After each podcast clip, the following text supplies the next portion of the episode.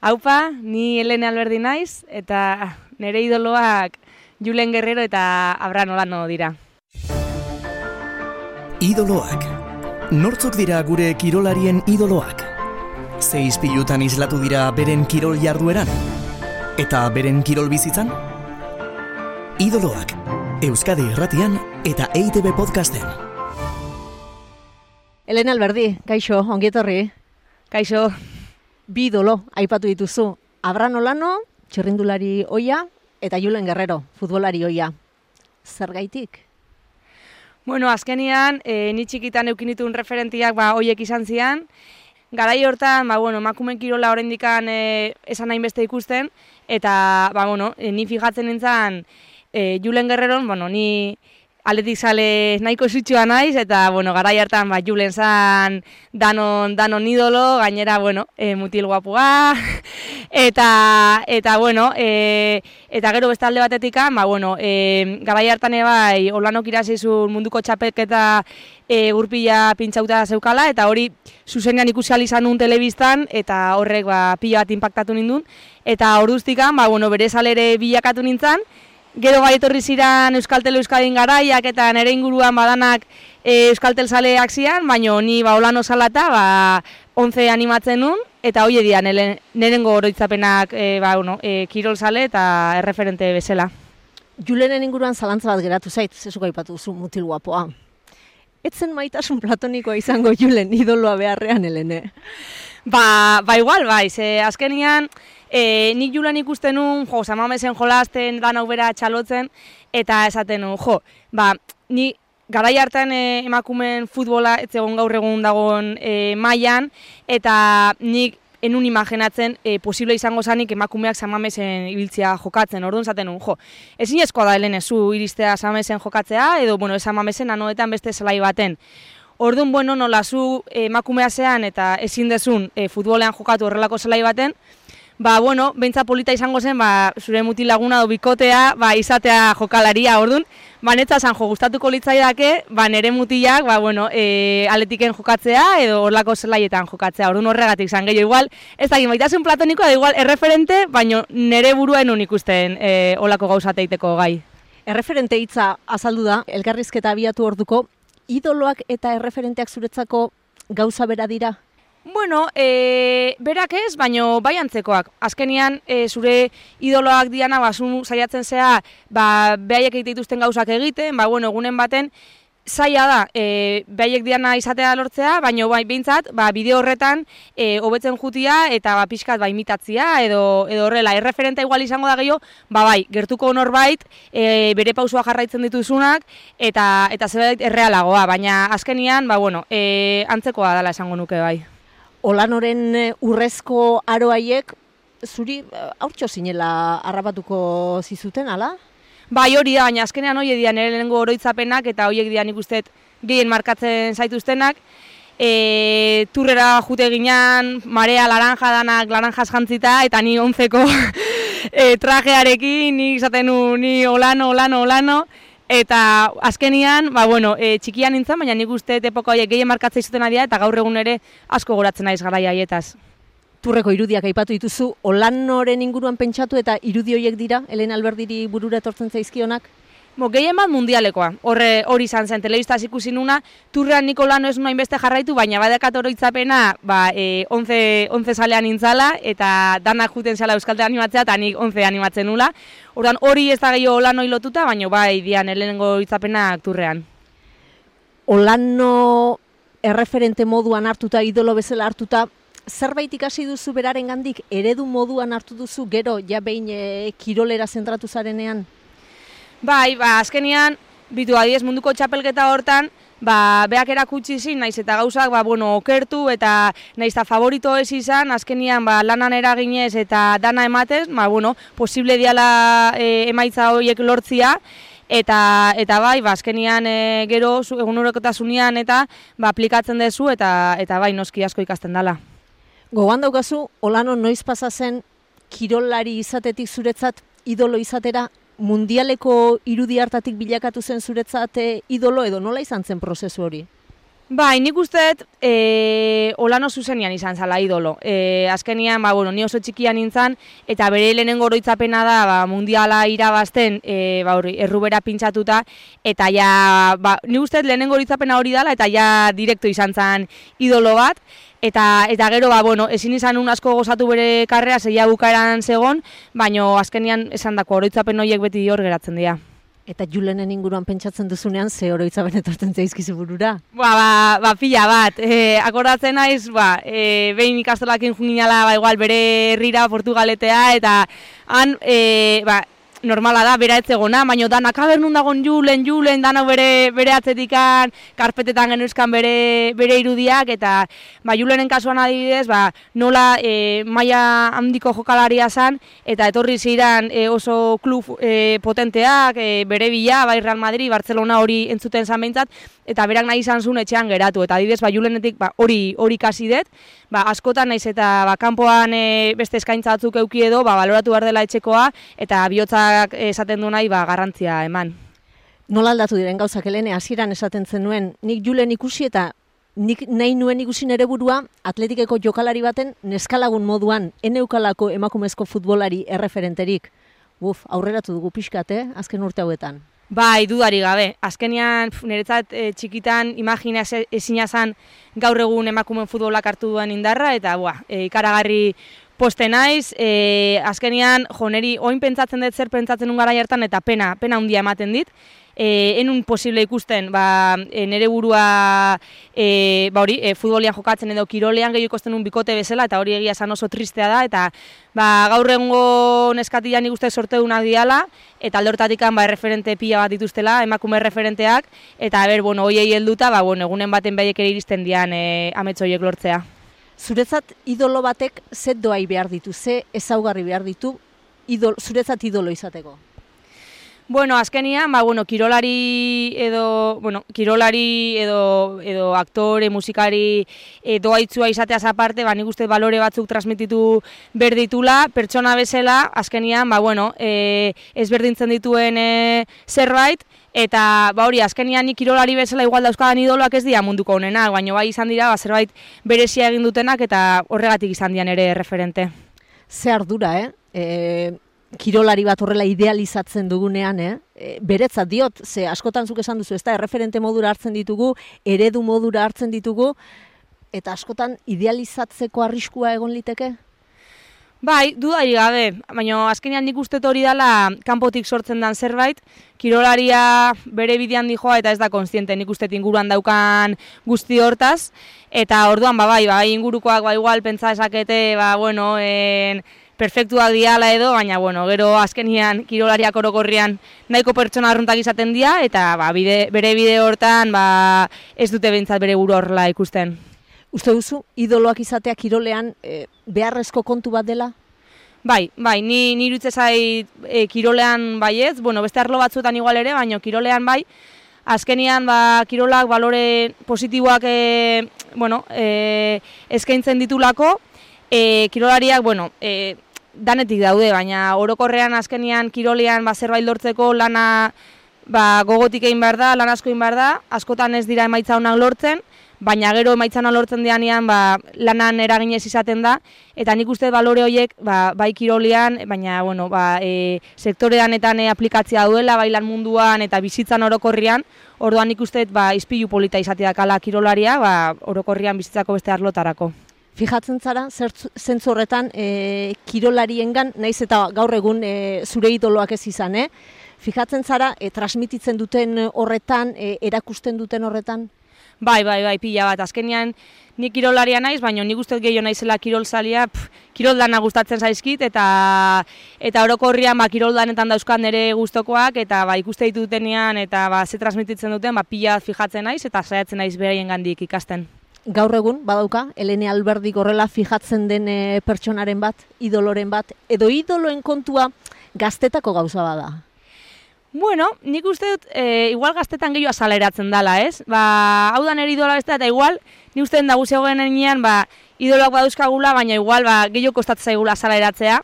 Adibidez, ba, bueno, ni igual esatia orain lotxa pizkaten mateit, porque ba, ideologikoki eta ez nator bat ere e, bat berekin, baino kirolari bezala, ba, Rafael Nadal, buah, iruditze zait ikaragarria, e, bere partiduak eta disfrutatzen dut pila bat, eta ba, kirolari bezala, ba, esango nuke agian nire idolo, idoloa dela, baina bueno, ez dut oso altu esaten, zelotxa pizkat emateit, ba, danok erregaren laguna ere badela, eta ni ez naiz erregaren laguna, baina, baina bai, bai, ba, bueno, Rafael Nadal esan duten bezala, ba, bueno, beste pila bat esatea eukiko nun, eta karo, fijatzen, fijatzen gerala.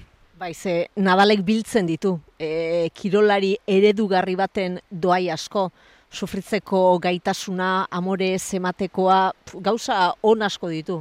Bai, hori da, azkenia, esaten da bezala, sufridoren natoa da, amore du ematen inoiz, eta eta bai, ba, behar dauzkan ba, indarra eta doria eta ba, transmititzen badaki, gainera makina bada, eta, eta bai, ba, kirolari bezala erreferente bat. Helene, zuere ari zara, kirolean, zure bidea egiten, Iruñan Espainiako txapeldun, Zarauzko triatloia irabazitakoa, norbaiteka kaso ere orain izango du Helene Alberdi idolo modura. Noiz bait pentsatu duzu horrelakorik?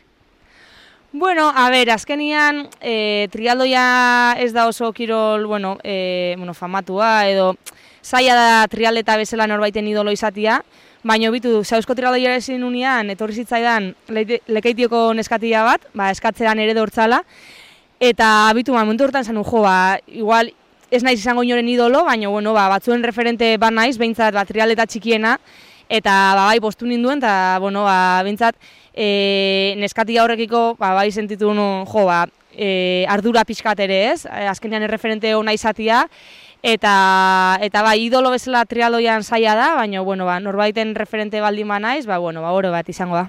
Hori da, postasuna ipatu duzu, baina aldi berean ardura hitza atera da. Hori sentitzen du kirolariak, e, basuk esan duzu eztan, eskatila gazte bate gerturatu eta ikusi mirestu egiten zaituela ardura sentitzen da? Bai, azkenian, basu, esan deguna, ez? Igual e, kirolian zerbait ondo egiten duzu eta igual idealizatu egiten da eta esate duzu, baina eske ni ez naiz perfektua, ez? Azkenean nik nire akatxaketa badauzkat eta iruditzen zaizu perfektua izan behar zehala, e, arlo danetan bestela ez du Jose pentsatuko du, ez? Dortzala eskatu zian eskatila horrek hau ikusten hau egiten ikusten emana. Orduan ba bueno, ba, ba bai, baina bueno, gero ba hori momentuko gauza dira, egunerokotasunean badana berdin jarraitzen du eta alde horretatikan ba ba gutxi aldatzen dira gauzak. Abrano Lano eta Julen Guerrero, Elene Alberdiren idoloak, bi horiek aipatu ditugu.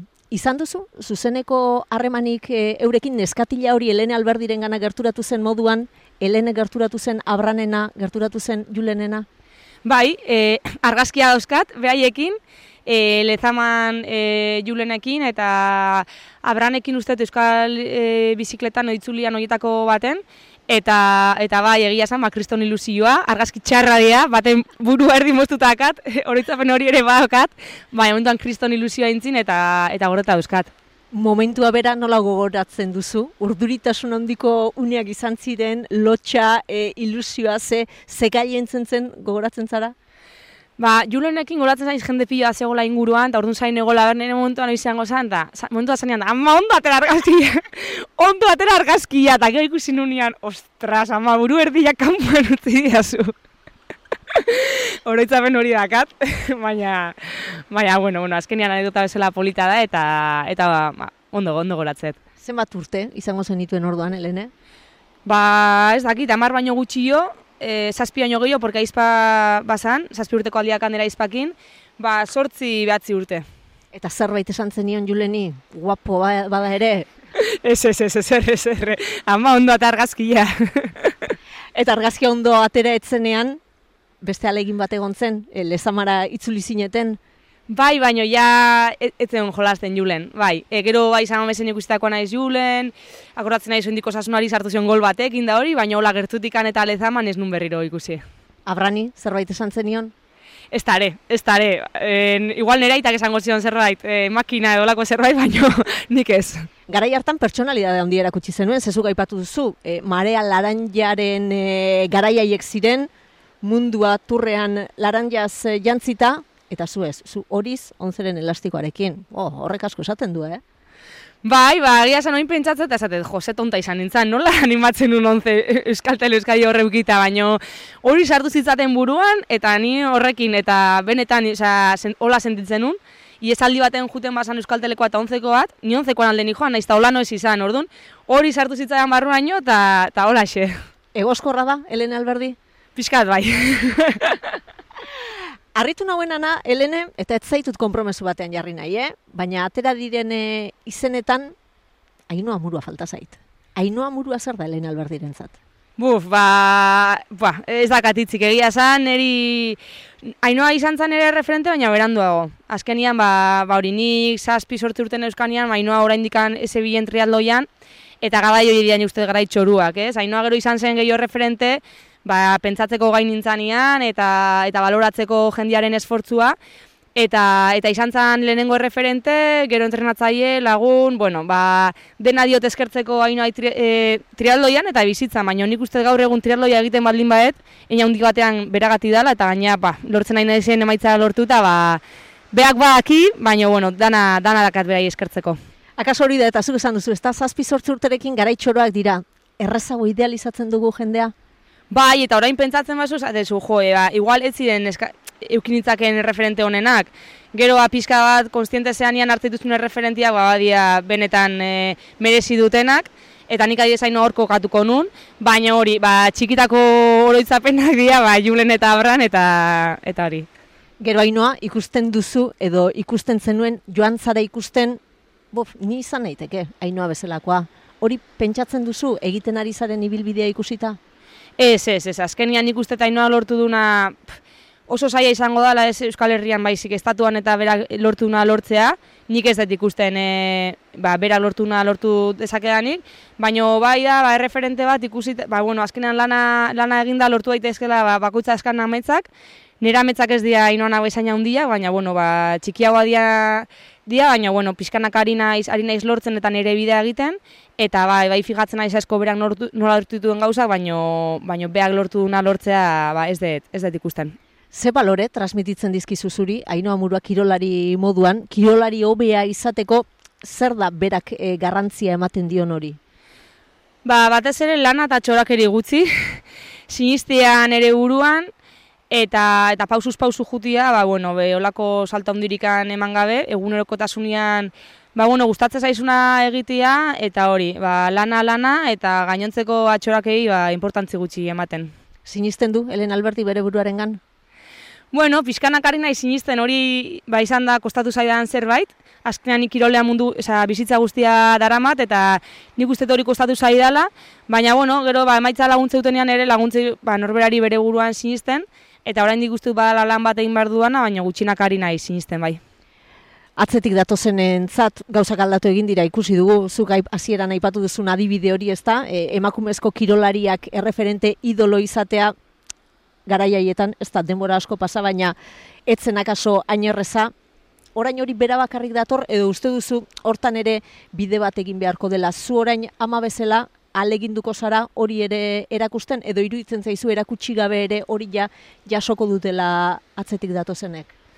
Bai, ba, galdera zaila da, nik uste talde batetikan emakumen kirola, ba, goro antzeti joan enean, gaur egungo neskatiak eta etorkizunekoak eukiko dutela non fijatu, eukiko dituztela erreferenteak, eta, eta gero ni, ba, kirolari bezala ere askotan sortzen zaian zalantza da, azkenean, ni aidetena da, ba, orain adibidez baloratzea, ba, sausko trialdoia irazietelako, ez den nahi, agertu, ama, mediku, e, trialdeta, ez, nik iraziet, sausko trialdoia, eta listo, gero egia gare bai, ba, erreferente bezala, e, ba, bueno, e, oiek aipatzen dituztenean ere, ba, igual balio dizaiekela e, datozen eskatik, ba, bueno, azkenean, ba, e, izan daitekela pertsona atama, edo ikasi daitekela, eta kirolean jarraitu. Eta nik hori ulertzen dut, baino niri zai gustatzen gauza asko nahaztea, eta nahiago dut baloratzea, ba, emaitza, kirole emaitzen gatik.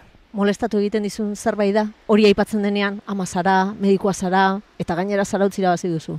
Ba bai, ba pia bat, badakit ez dutela intentzio txarrarekin egiten eta eta zerbaitetarako balioa du, ba, ba bueno, ba, e, onartzen dut, baina ez ari gustatzen. Azkenian, ba sautzira hasi bat, nahi dut loratzea sautzira zitelako eta beste guzti azkenian, ba bakoitzak etxean dauzkan e, egoerak dira, bakoitzak berea eta nik uste ba nik daukadana, ba ez aio lain hori inporta.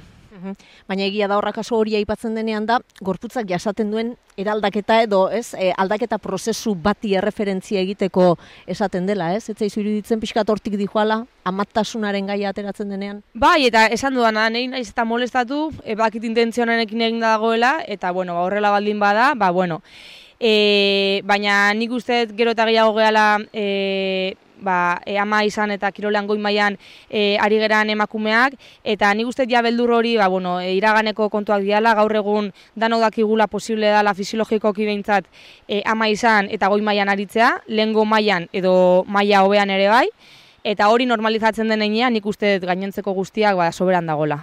Elene, amaitzen joateko, Abrano Lano, Julen Garrera ipatu ditugu, Rafa Nadalen izena ere atera da.